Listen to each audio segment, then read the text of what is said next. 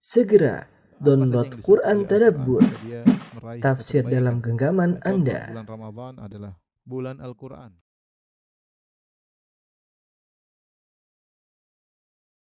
Bismillahirrahmanirrahim. Assalamualaikum warahmatullahi wabarakatuh.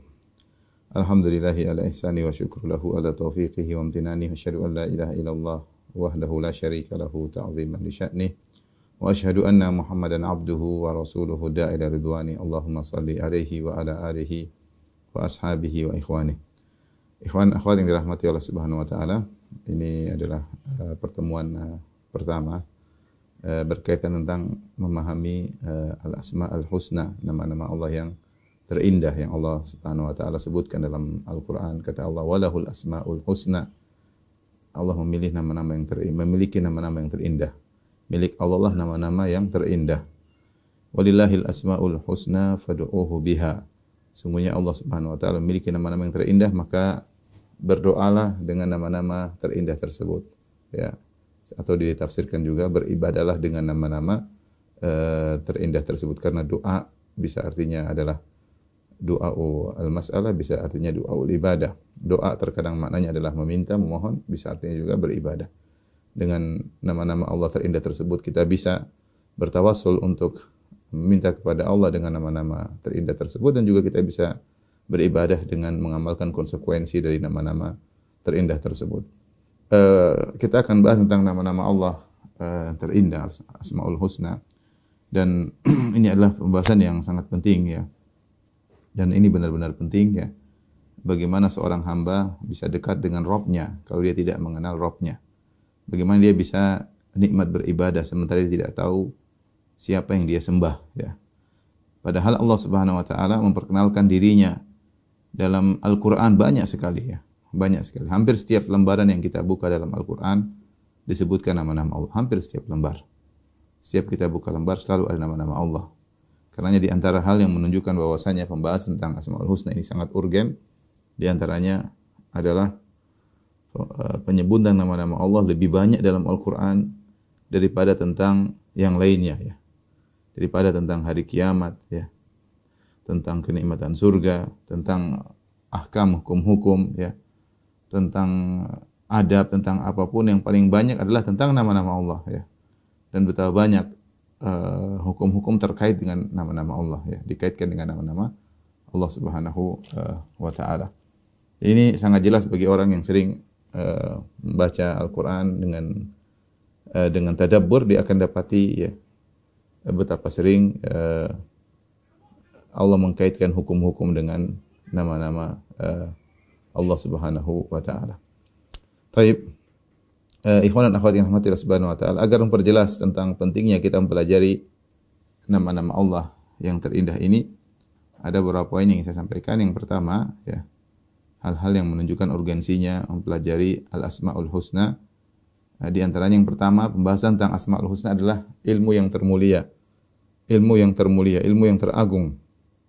Dia adalah bagian dari tauhid dan bagian yang teragung ya. Karena dia langsung pada uh, pengenalan terhadap Allah Subhanahu wa taala. Makanya kaidah menyebut menyebutkan syaraful ilm bi syarafi ma'lumihi. Ke, ke, keutamaan ilmu berdasarkan ke, kemuliaan ilmu berdasarkan kemuliaan apa yang diilmui. Kemuliaan ilmu berdasarkan keilmuan kemuliaan apa yang dipelajari. Ya, sering orang mengatakan kita belajar uh, ilmu ini penting karena yang topik pembahasannya adalah ini. Kita belajar ilmu akhirat penting karena topiknya adalah tentang bagaimana kehidupan kita nanti di hari kiamat kelak ya.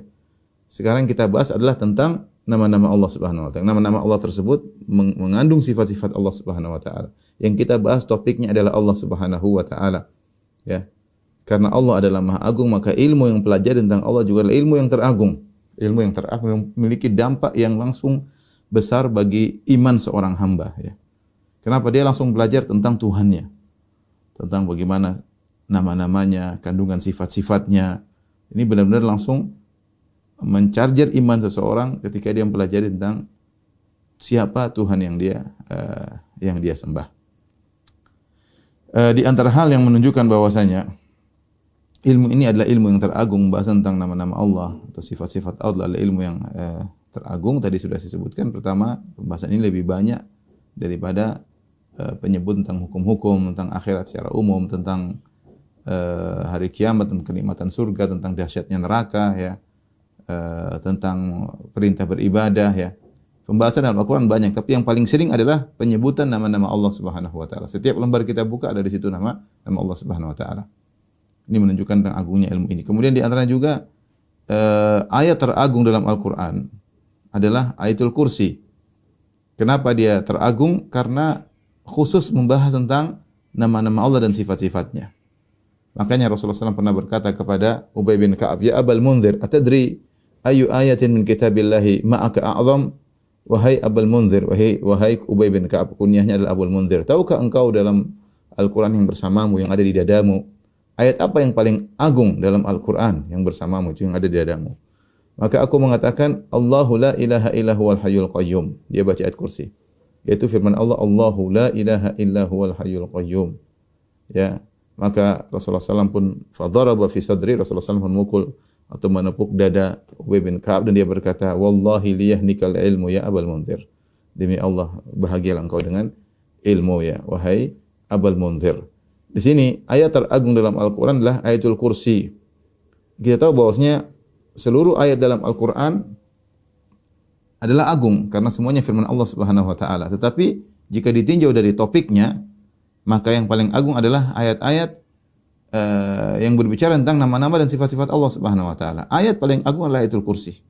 Kenapa? Karena murni dari awal ayat sampai akhir ayat tentang tentang Allah. Allahu la ilaha illa huwal hayyul qayyum. Dialah Allah, tidak ada yang berhak disembah kecuali Dia. Al-Hayyu Al-Qayyum, yang Maha hidup dan Maha tegak dan menegakkan yang lainnya.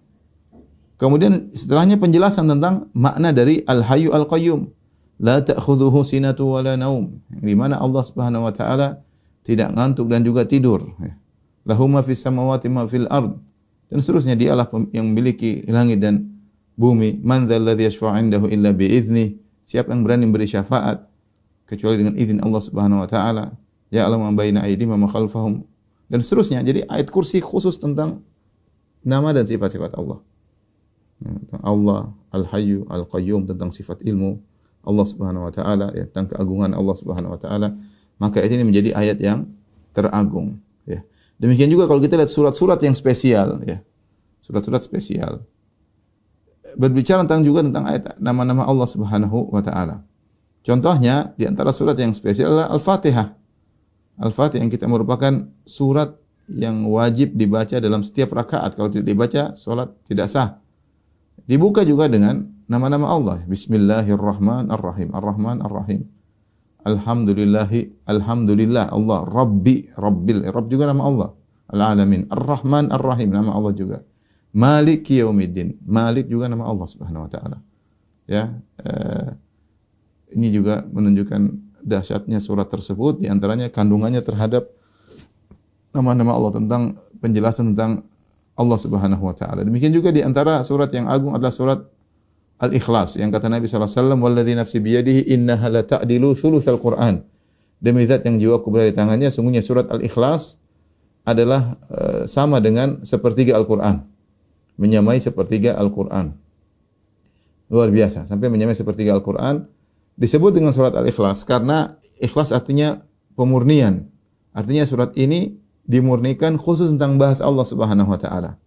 Ya, kalau kita baca sebab nuzul surat ini ketika orang musyrikin bertanya kepada Nabi sallallahu alaihi wasallam, "Ya Muhammad, uh, sif lana rabbak." Jelaskan kepada kami siapa Tuhanmu yang kau sembah itu. Sifatkan sifatkanlah bagi kami tentang Tuhanmu yang kau sembah. Maka turunlah surat Al-Ikhlas yang menjelaskan tentang Allah Subhanahu wa taala. Qul huwallahu ahad. Katakanlah kepada mereka huwallahu Allahu ahad. Ahad. Nama Allah Allah ahad. Ya.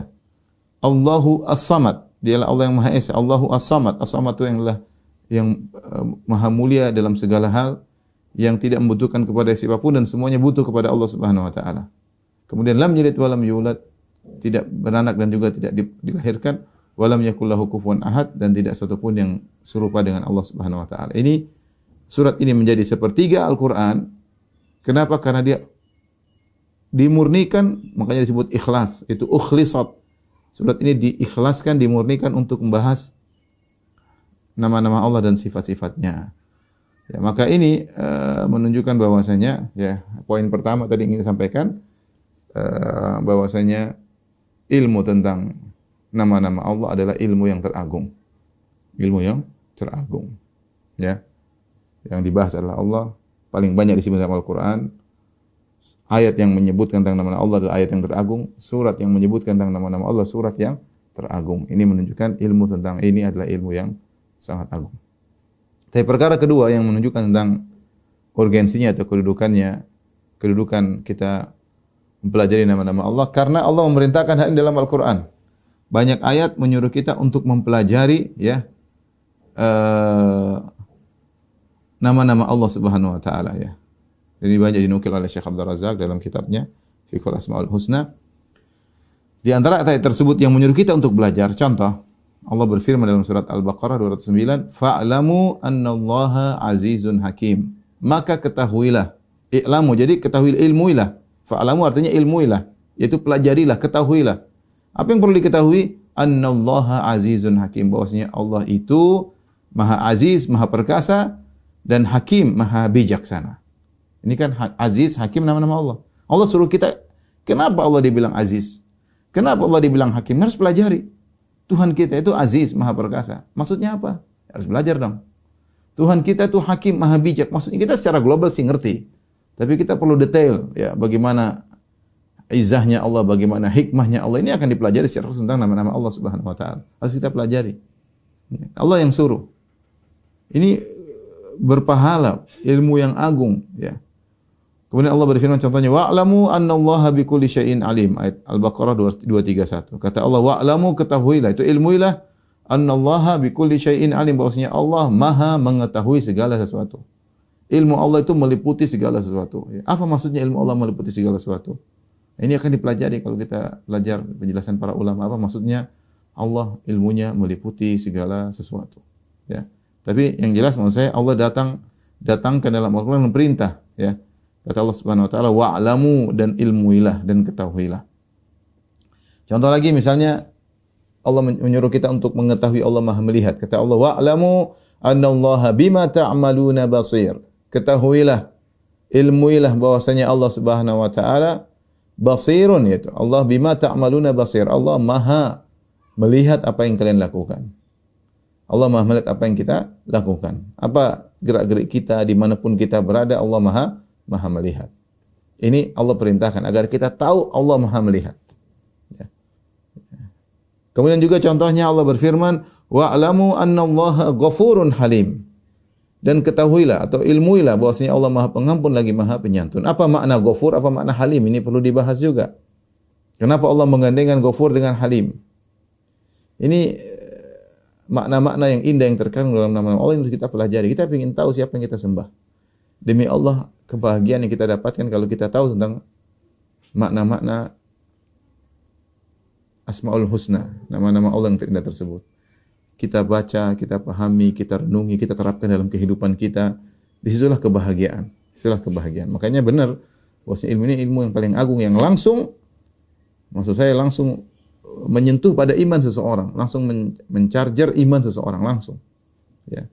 Karena dia berbicara tentang Tuhan yang yang yang yang selalu melihatnya, selalu mengawasi, selalu mengurusinya. Ya, selalu mengurusinya, ya. Maka Allah menyuruh kita untuk mengetahui hal tersebut. Wa'lamu annallaha ghafurun halim. Ketahuilah bahwasanya Allah Maha Pengampun lagi Maha Halim, Maha Penyantun. Apa maksudnya? Nanti akan kita pelajari. Wa'lamu annallaha sami'un alim. Allah juga menyuruh kita untuk tahu bahwasanya Allah Maha mendengar. Wa'lamu annallaha sami'un alim. Ketahuilah bahwasanya Allah Sami' Maha mendengar, alim, Maha mengetahui. Demikian juga wa'lamu annallaha ghaniyun hamid. Ketahuilah bahwasanya Allah Maha Kaya dan Maha terpuji. Harus tahu Allah Maha Kaya, Allah Maha terpuji. Ini juga penting ya. Allah tidak butuh dengan ibadah kita. Sungguhnya semua orang kalau kafir Allah juga tidak butuh. Ya. Kalau orang beribadah pun tidak menambah kekayaan Allah karena Allah Maha Kaya secara zatnya. Hamid Maha terpuji secara zatnya. Akan datang penjelasan secara detail. Demikian juga Allah menyuruh kita tahu bahwasanya Allah wa'lamu i'lamu anna Allah syadidul iqab wa anna Allah ghafurun halim. I'lamu anna Allah syadidul iqab wa anna Allah ghafurur rahim. Ketahuilah bahwasanya azab Allah, siksa Allah sangat pedih dan ketahuilah bahwasanya Allah Maha Pengampun lagi Maha Penyayang. Ya.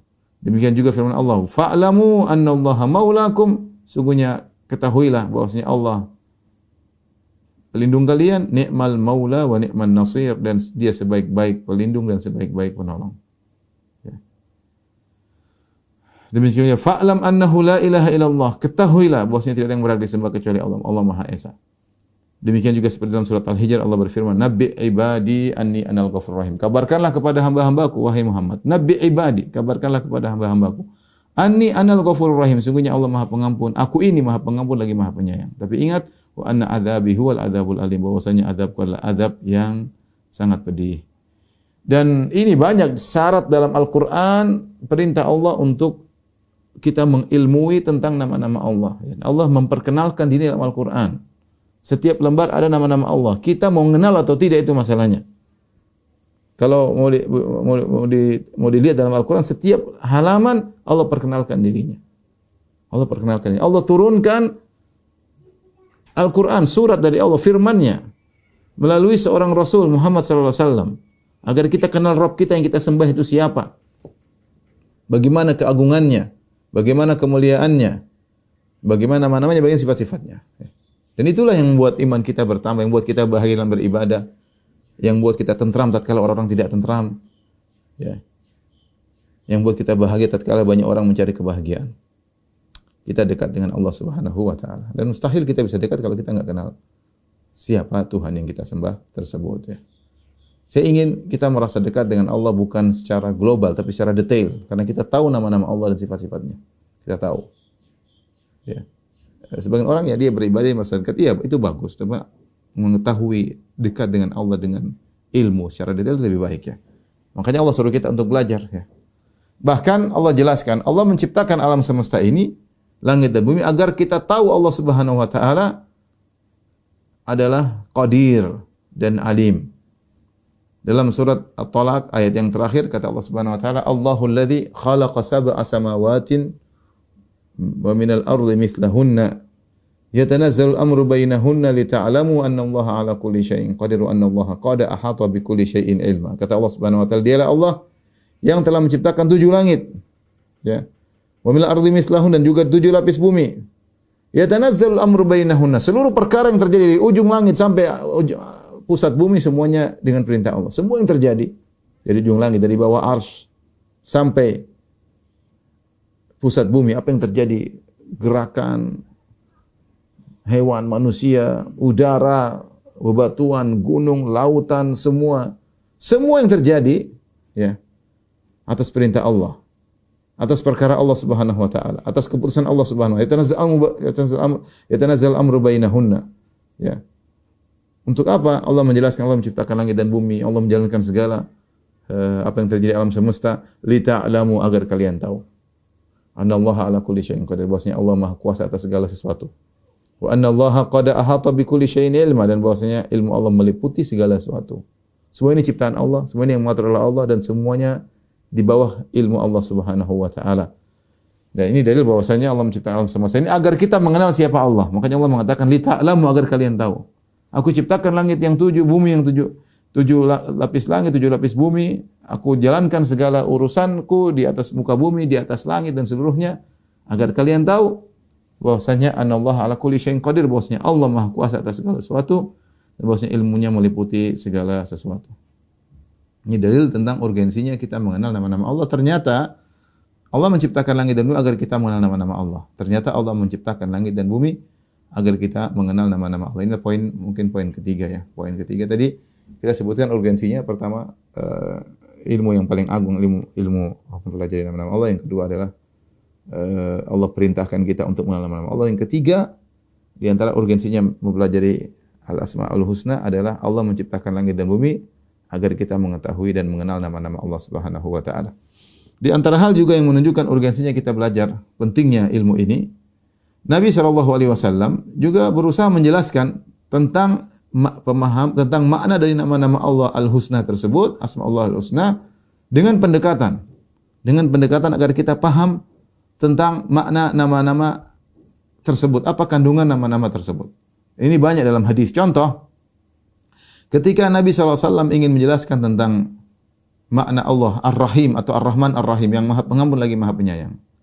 Bagaimana cara Nabi menjelaskan? Nabi menjelaskan agar kita tuh paham. Maka ketika dalam suatu kondisi ketika uh, di, di suasana perang ada seorang ibu sedang kehilangan anaknya, maka dia cari-cari anaknya ya. Bayangkan ibu kehilangan anaknya dan dia sedang mencari-cari anaknya tersebut. Setelah itu dia dapatkan anaknya, maka dia segera dekat dan dia segera menyusui anaknya tersebut. Anaknya masih kecil ya. Ini pemandangan yang dilihat oleh Nabi dan para sahabat, maka Nabi menggunakan pemandangan ini, kondisi ini untuk mengenalkan tentang makna rahmat Allah. Ar-Rahman Ar-Rahim itu maknanya apa? Maka Rasulullah SAW berkata kepada para sahabat, "Atarawna hadhil mar'a tarihatan waladaha finnar?" Menurut kalian ibu ini akan melemparkan anaknya di api? Qulna la wallahi wa hiya taqdiru ala. Demi Allah tentu tidak ya Rasulullah. Sang ibu mampu untuk mencegah anaknya tidak terlemparkan ke api. Ngapain dilempar anaknya ke api? Faqala Rasulullah sallallahu "Lallahu arhamu bi ibadihi min hadhi bi waladiha." Sungguhnya Allah lebih sayang kepada hamba-hambanya daripada ibu ini kepada anaknya. Ini ini kalau kita renungkan tentang Ar-Rahman Ar-Rahim bahwasanya Allah lebih sayang kepada hamba-hambanya daripada ibu kepada anaknya. Ini menambahkan kekuatan iman luar biasa. Sifat husnudzan kepada Allah luar luar biasa, menjauhkan dari segala bentuk keputusasaan. Ya. E, kenapa? Karena kita tahu Allah lebih sayang kepada hamba-hambanya daripada seorang ibu kepada anaknya. Ini pendekatan yang Nabi ingin tanamkan dalam benak kita. Bagaimana gimana sih kasih sayang Allah? Ya. Bagaimana sih kasih sayang Allah kepada hamba-hambanya di luar daripada di luar daripada bayangan kita. Kita yang kita bisa bayangkan kasih sayang di alam semesta ini adalah yang paling besar adalah kasih sayang seorang ibu terhadap anak. Inilah kasih sayang paling besar, lebih daripada anak terhadap ibu, lebih daripada bapak terhadap anak. Lebih daripada kakak terhadap adik, adik terhadap kakak, lebih daripada suami terhadap istri terhadap suami, lebih. Yang paling besar adalah ibu terhadap anak. Bagaimana tidak sang anak dalam kandungannya 9 bulan, dia yang menyusuinya, dia yang merawatnya. Kasih sayang paling besar ibu terhadap anak. Ini yang bisa dibayangkan. Apalagi ibu tersebut baru kehilangan sang anak. Lebih besar lagi kasih sayangnya. Dia cari-cari anaknya, menangis cari-cari anaknya. Dia dapat dia peluk. Ini mungkin kasih sayang terbesar yang mungkin bisa kita bayangkan terjadi di dunia ini. Namun Nabi mengatakan Allah lebih sayang kepada hambanya daripada ibu ini terhadap uh, anaknya. Ya. Tentu ini akan akan pembahasannya lebih panjang lagi. Ini sekedar saya ingin menyampaikan sisi pendalilan bagaimana Nabi SAW berusaha untuk menjelaskan makna Ar-Rahman Ar-Rahim. Ya, agar kita bisa paham. Contoh, uh, seperti Nabi SAW menjelaskan tentang nama Allah Al-Ghafur atau At-Tawwab yang maha penerima taubat, yang maha pengampun. At-Tawwab yaitu yang maha menerima taubat dan maha uh, mengampuni hamba-hambanya. Ya, Rasulullah SAW contoh berkata, "Lallahu asyaddu farahan bi taubati 'abdi hina yatubu ilai min ahadikum kana ala rahalati bil ardi falatin fan falatat minhu." Sungguhnya Allah lebih ber, bergembira dengan taubatnya seorang hamba yang bertobat kepada Allah. Seorang hamba ketika bertobat kepada Allah, Allah sangat gembira lebih daripada kegembiraan salah seorang dari kalian ketika dia sedang di uh, di apa namanya di padang pasir kemudian dia membawa ontanya, tiba-tiba ontanya kemudian kabur, padahal bekalnya semua adalah di pada ontanya tersebut alaiha ta'amuhu wa syarabuhu bekalnya makanan dan minumannya ada pada onta tersebut. Kemudian ontanya kabur sementara di tengah padang pasir. Dia mau ke mana? Dia melanjutkan perjalanan enggak mampu, enggak mungkin. Masih berkilo-kilo, masih puluhan kilo, mungkin ratusan kilo. Dia bakalan mati. Ya, fa aisa minha maka dia putus asa dari onta tersebut. Fa ata syajaratan maka dia pergi ke bawah sebuah pohon fattaja fi dhilliha. Lantas dia pun bernaung di bawah naungan pohon tersebut, qad aisa min rahilatihi dan dia putus asa dari ontanya. Dia merasa dirinya bakalan mati. Mau apa dia, apalagi dia mau dilakukan? Ontanya tidak bakalan balik. Mau telepon telepon siapa? Di tengah padang pasir ya. Enggak ada sinyal ya. Mau nunggu apa? Mau pergi enggak jalan enggak kuat ya. Dia menunggu kematian yang datang kepadanya secara bertahap. Seakan-akan ruhnya keluar secara bertahap saking putus asanya. Sudah dia menunggu mati, dia putus asa. Qad aisa min rahilati. Sudah putus asa dari ontanya tersebut kata Nabi sallallahu alaihi wasallam. Fa bainama huwa kadzalik tatkala dalam kondisi demikian id huwa biha qa'imatan indahu tiba-tiba ontanya muncul lagi. Dan masih ada bekal makanannya, masih ada bekal makanannya. Minumannya masih ada. Fa akhadha bi khitamiha lantas dia pun bangkit dia segera memegang tali kakang ontanya takut kabur lagi onta ini. Thumma qala min syiddatil farah kemudian dia berkata karena saking gembiranya bersyukur kepada Allah dia berkata Allahumma anta abdi wa ana rabbuk. Dia salah ngomong saking gembiranya mengatakan ya Allah sungguh engkau hambaku, sungguh aku adalah Tuhanmu. Artinya ya Allah benar-benar engkau ada Tuhan ya Allah. Aku ini mau mati tiba-tiba kau datangkan lagi ontaku. Benar-benar engkau ada ya Tuhan. Dan benar-benar engkau adalah Tuhanku ya. Tapi dia salah ngomong.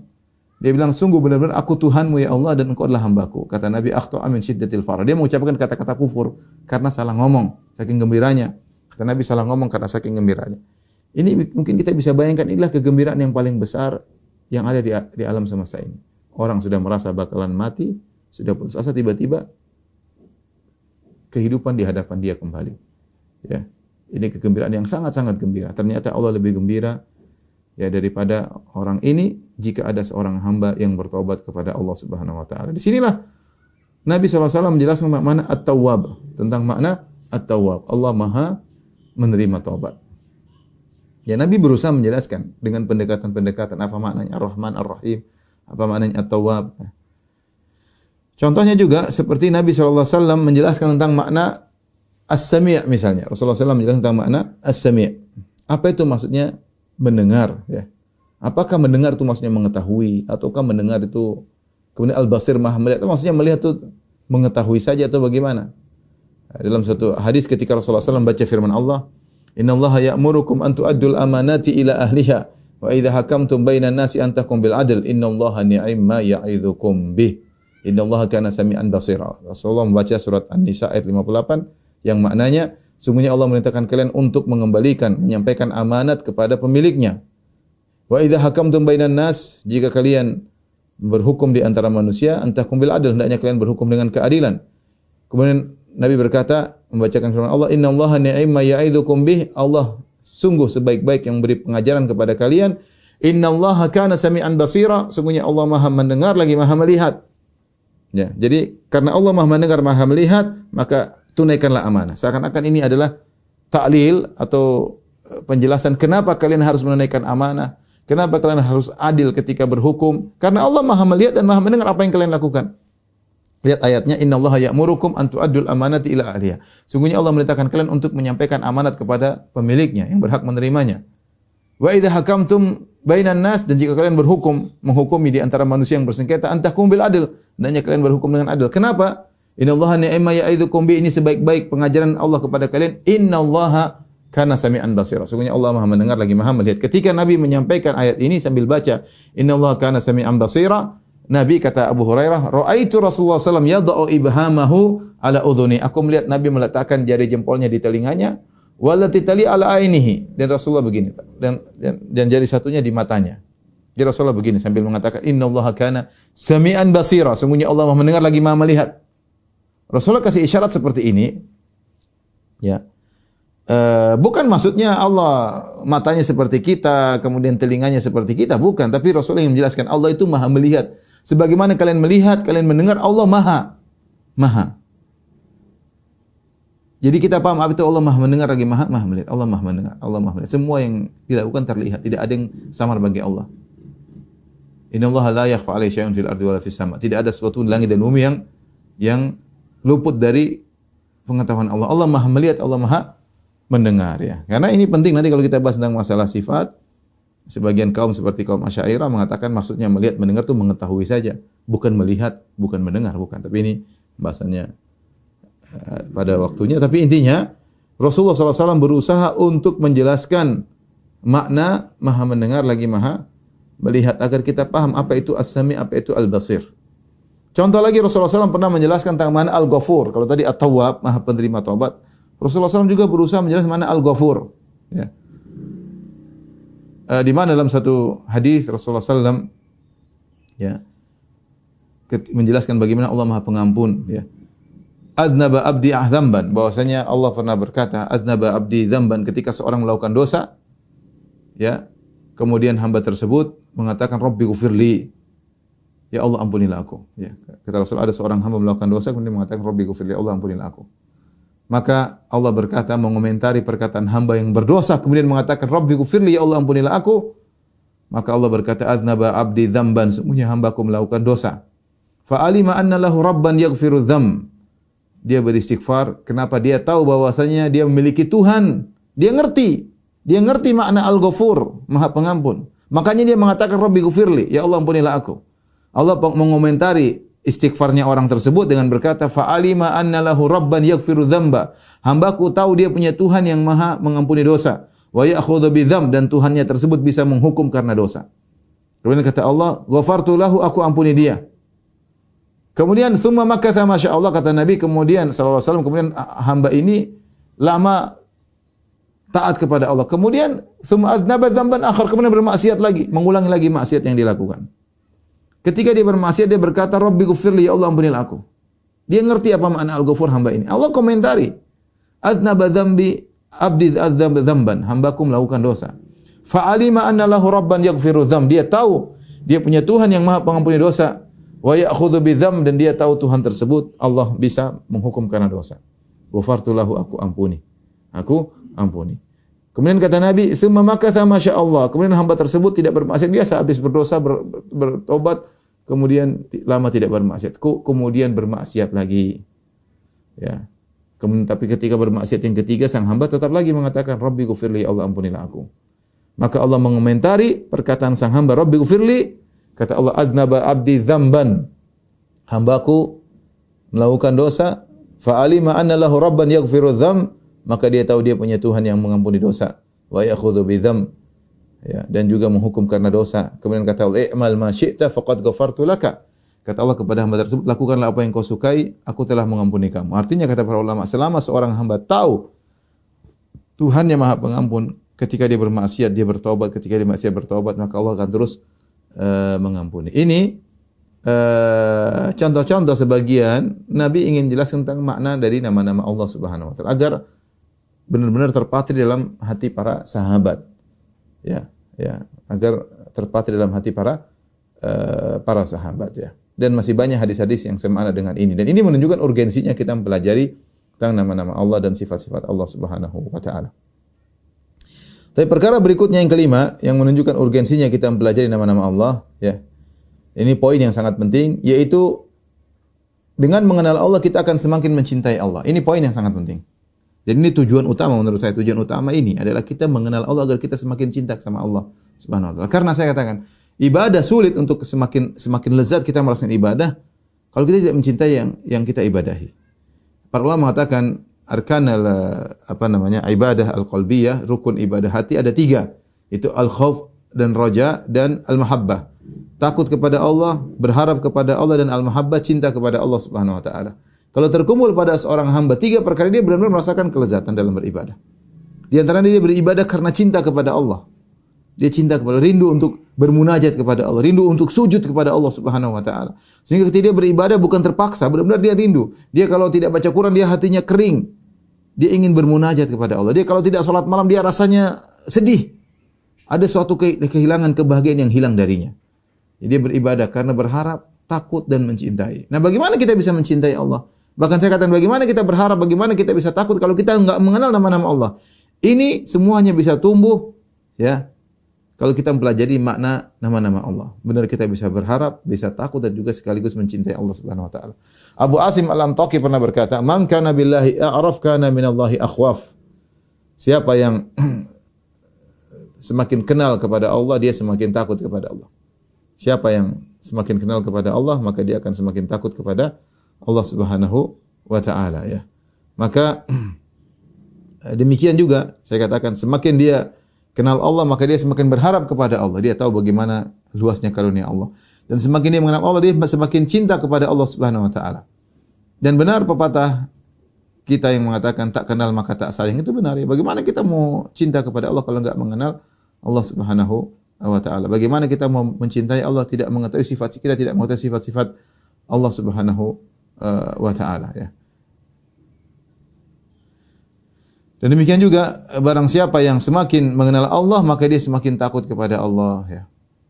Makanya dikatakan man kana billahi a'raf. Barang siapa yang semakin takut kepada Allah Subhanahu wa taala, kana minhu akhwaf, maka dia semakin takut kepada Allah Subhanahu wa taala, ya. Wala ibadat wali ibadatihi atlab dia semakin rajin beribadah kepada Allah Subhanahu wa taala ya. Ini pengaruh kalau mengenal Allah, semakin rajin beribadah, semakin takut, semakin cinta kepada Allah Subhanahu wa taala, mau maksiat ya.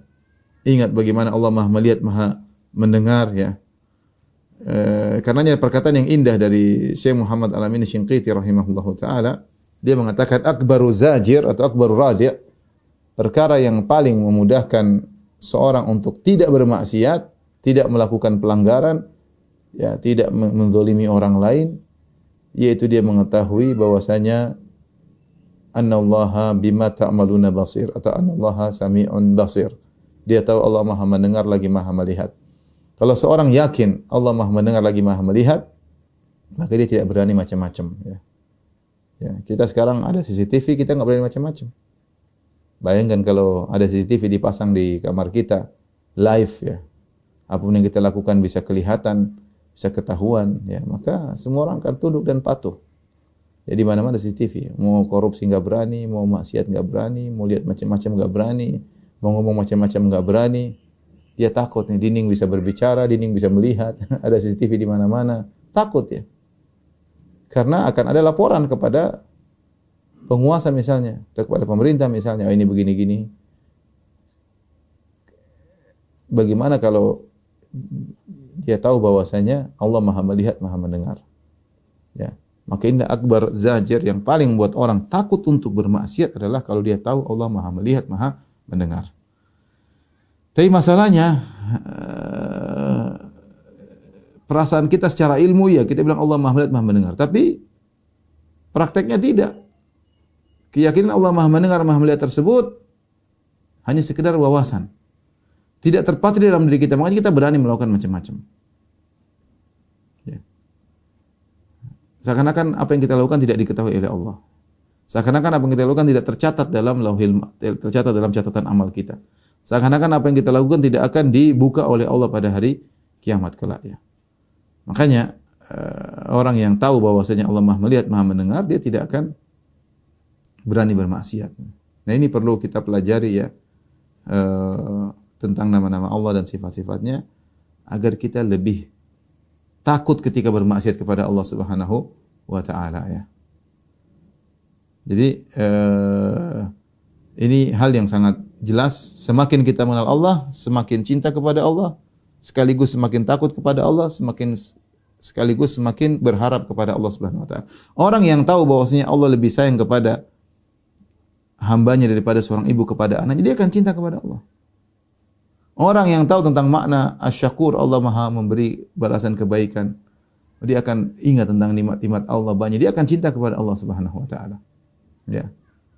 Eh, dalam satu hadis ketika Rasulullah SAW bercerita menjelaskan kepada para sahabat bahwasanya uh, Allah yadhak dan banyak dalam hadis yadhakullah ila rajulaini yaqtulu ahaduhum al-akhar kilahuma yadkhulul jannah. Rasulullah pernah bersabda dalam hadis riwayat Bukhari Allah tertawa kepada dua orang salah satunya membunuh yang lainnya kemudian dua-duanya masuk surga.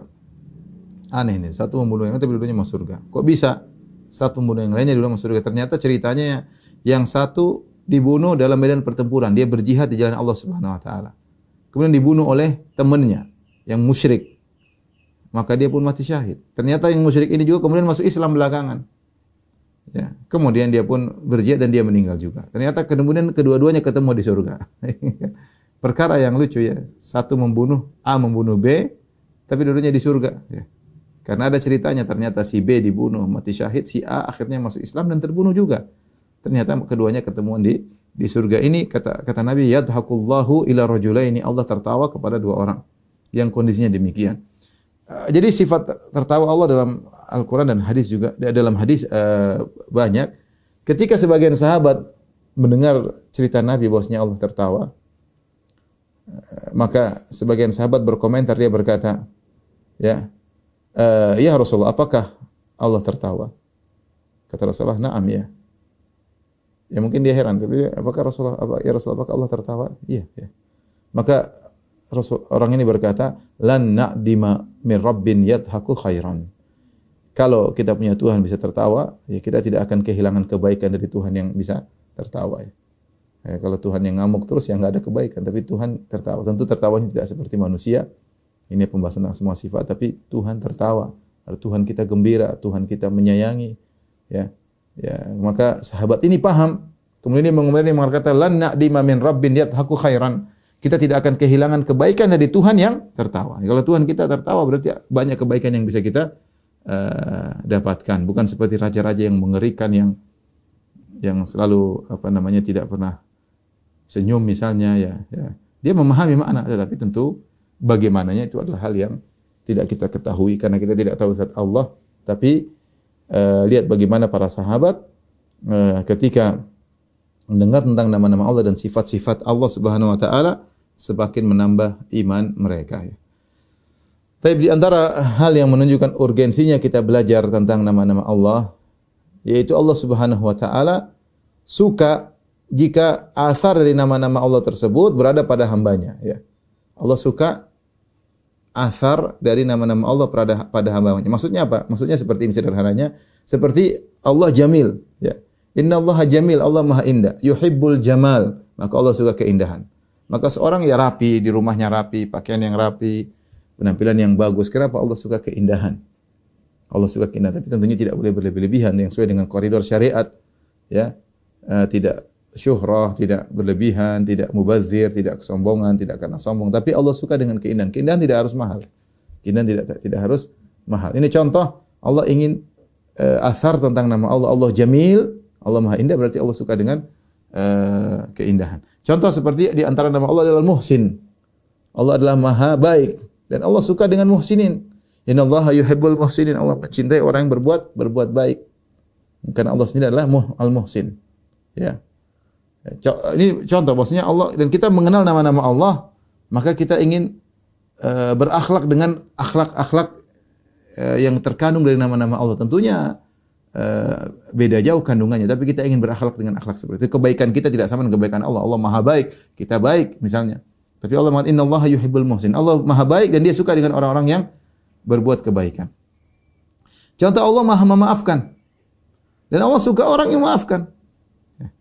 Ala tuhibbuna ayyaghfirallahu lakum kata Allah falyafu wal yasfahu.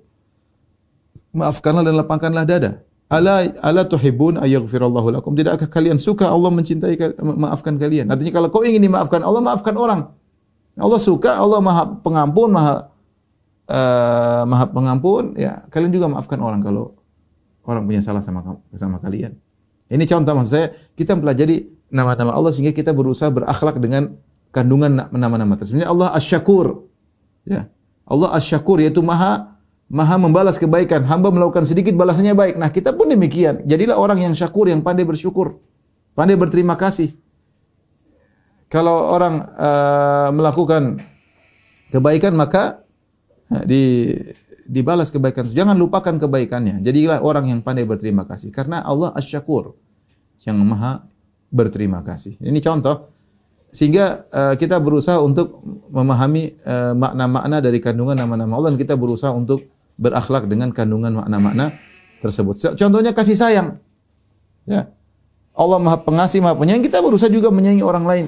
Menyayangi, makhluk-makhluk Allah. Allah berfirman, Ar-Rahimuna yarhamuhumur Rahman. Orang-orang yang mengasihi disayang oleh Ar-Rahman yang Maha Pengasih. Irhamu ahlal ardi yarhamkum man fis sama. Rahmatilah penghuni bumi maka niscaya yang di langit yang maha pengasih akan menyayangi kalian ya. Nabi juga berkata wasyah in rahimtaha rahimakallah kambing yang akan kau sembelih kalau kau sayang sama kambing tersebut kau tidak menyembelih dengan kasar Allah akan sayang kepadamu. Ini contoh eh, kita perlu mengenal nama-nama Allah tersebut agar kita apa namanya berakhlak dengan kandungan nama-nama Allah tersebut ya. Contoh Al-Halim ya. Al-Halim itu mampu untuk membalas tapi tidak segera dibalas ditunda. Siapa tahu seorang sadar ya. Dan itu al halim Allah maha al halim betapa banyak orang melakukan maksiat Allah biarkan. Siapa tahu dia sadar. Ya, demikian juga Allah memuji Nabi Ibrahim dengan sifat al halim yaitu sifat halim karena Ibrahim uh, dizolimi oleh banyak orang dia tidak dia tidak tidak marah tidak ngamuk dia uh, uh, dia sabar ya ini uh, di antara urgensinya kita mempelajari nama-nama Allah agar kita bisa berakhlak dengan kandungan dari nama-nama Allah tersebut yang mungkin bisa kita berakhlak ya dengan nama, sebagian nama-nama. Tentu tidak semua nama-nama tersebut ya.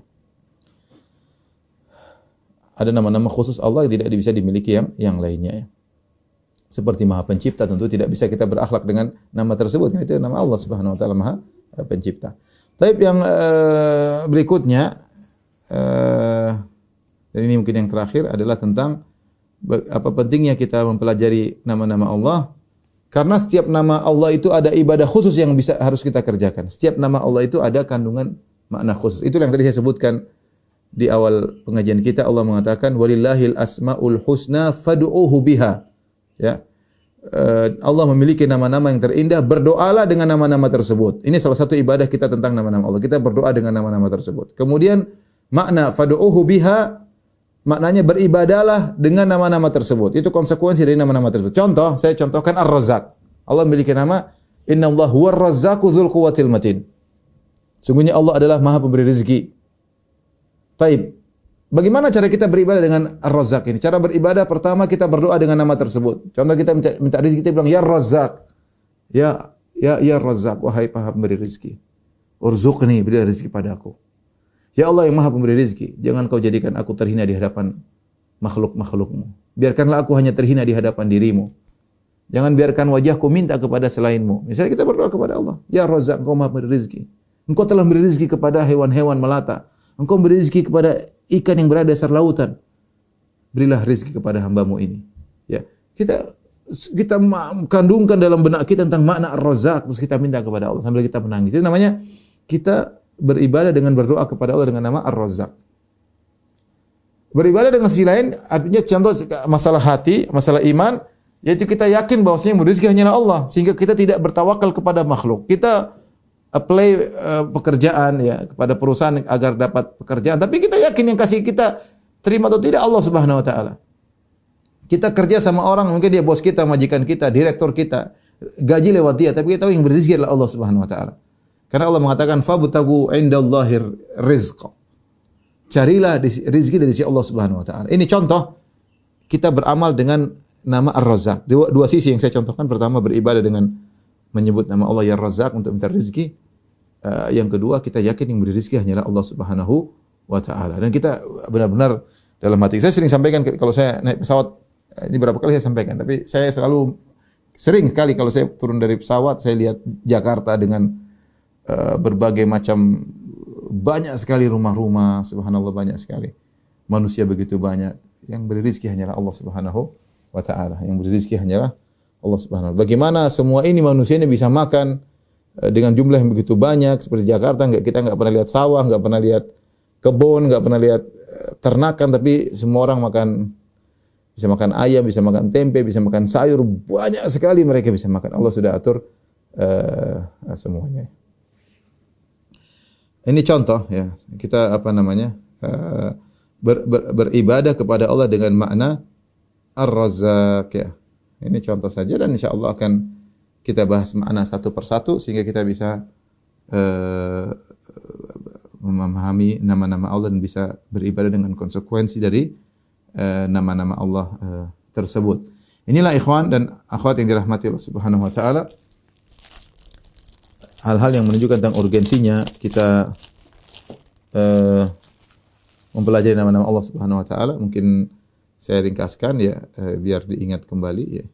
Yang pertama bahwasanya eh, ibadah mempelajari nama-nama Allah adalah ilmu yang terbaik ya. Karena asyaraful ilmi bi syarafi ma'lumihi yang dipelajari adalah Allah maka konsekuensi ilmunya terus menjadi ilmu yang terbaik karena yang dipelajari adalah zat yang terbaik Allah Subhanahu wa taala. Ya. Eh, kemudian yang kedua adalah terlalu banyak ayat-ayat dalam Al-Qur'an menyuruh kita untuk mempelajari mengenal nama-nama Allah. Allah perintahkan kita untuk belajar. Dan ayat-ayat yang memerintahkan kita untuk mengenal nama-nama Allah sangat sangat banyak dan Allah sendiri mengenalkan diri dalam Al-Qur'an setiap lembaran eh, kita baca akan ada apa namanya nama-nama Allah. Bah- Bahkan betapa sering Allah mengkaitkan hukum dengan nama-nama Allah. Itu banyak sekali dalam Al-Qur'an. Kemudian yang ketiga, eh, Allah menciptakan langit dan bumi agar kita mengenal nama-namanya. ya. Tidaklah Allah ciptakan langit dan bumi kecuali kita tahu li ta'lamu anna Allah ala kulli syai'in qadir kalian tahu agar kalian tahu Allah itu maha kuasa dan Allah ilmunya meliputi segala sesuatu. Di antara urgensinya yang keempat adalah Rasulullah SAW menjelaskan tentang makna nama-nama Allah dengan pendekatan Nabi. Sudah kita jelaskan tadi Nabi sampai menunjuk begini karena Nabi melihat ibu yang sedang menyusui anaknya Nabi ngomong begini ya.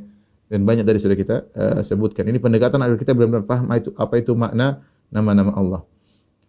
Eh, kemudian yang eh, kelima yaitu eh, kaidah mengatakan semakin mengenal Allah maka semakin cinta kepada Allah, semakin takut kepada Allah, semakin berharap kepada Allah. Ini bisa karena orang yang tahu tentang Allah dia akan semakin cinta, tahu sifat-sifatnya. Dia juga tahu tentang Allah syadidul iqab, siksanya sangat kuat, maka dia semakin takut dan juga semakin berharap kepada Allah. Dan ini adalah tiga rukun ibadah hati yang hendaknya dimiliki oleh seorang. Kemudian yang keenam eh, Allah suka kita berakhlak dengan uh, kandungan nama-nama Allah ya. Sudah kita jelaskan tadi innallaha jamil yuhibbul jamal. Allah Maha indah, suka dengan keindahan ya.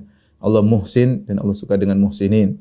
Allah al-afu, al-ghafur, Maha pengampun, Maha penyayang, uh, Maha pengampun, Maha pemaaf dan Allah suka dengan hamba-hambanya yang memaafkan dan mengampuni. Allah asyakur, uh, Maha berterima kasih. Allah suka hambanya yang tahu uh, berterima kasih dan yang semisalnya. Kemudian yang uh, terakhir kita perlu belajar nama-nama Allah karena masing-masing nama ada ibadahnya tersendiri. Kita dicontohkan dengan Ar-Razzaq, uh, kita beribadah kepada Allah dengan berdoa dengan menyebut Ar-Razzaq dan juga yakin dalam hati kita tidak ada yang berizki kecuali Allah Subhanahu wa taala. Demikian dulu uh, ikhwan dan akhwat yang dirahmati Allah Subhanahu wa taala kajian kita. Wallah alam bisawab ini saja yang saya sampaikan. Insyaallah kita lanjutkan pada kesempatan yang lain. Kurang lebih saya mohon maaf. Wabillahi taufiq wal hidayah. Assalamualaikum warahmatullahi wabarakatuh. Wabarakatuh.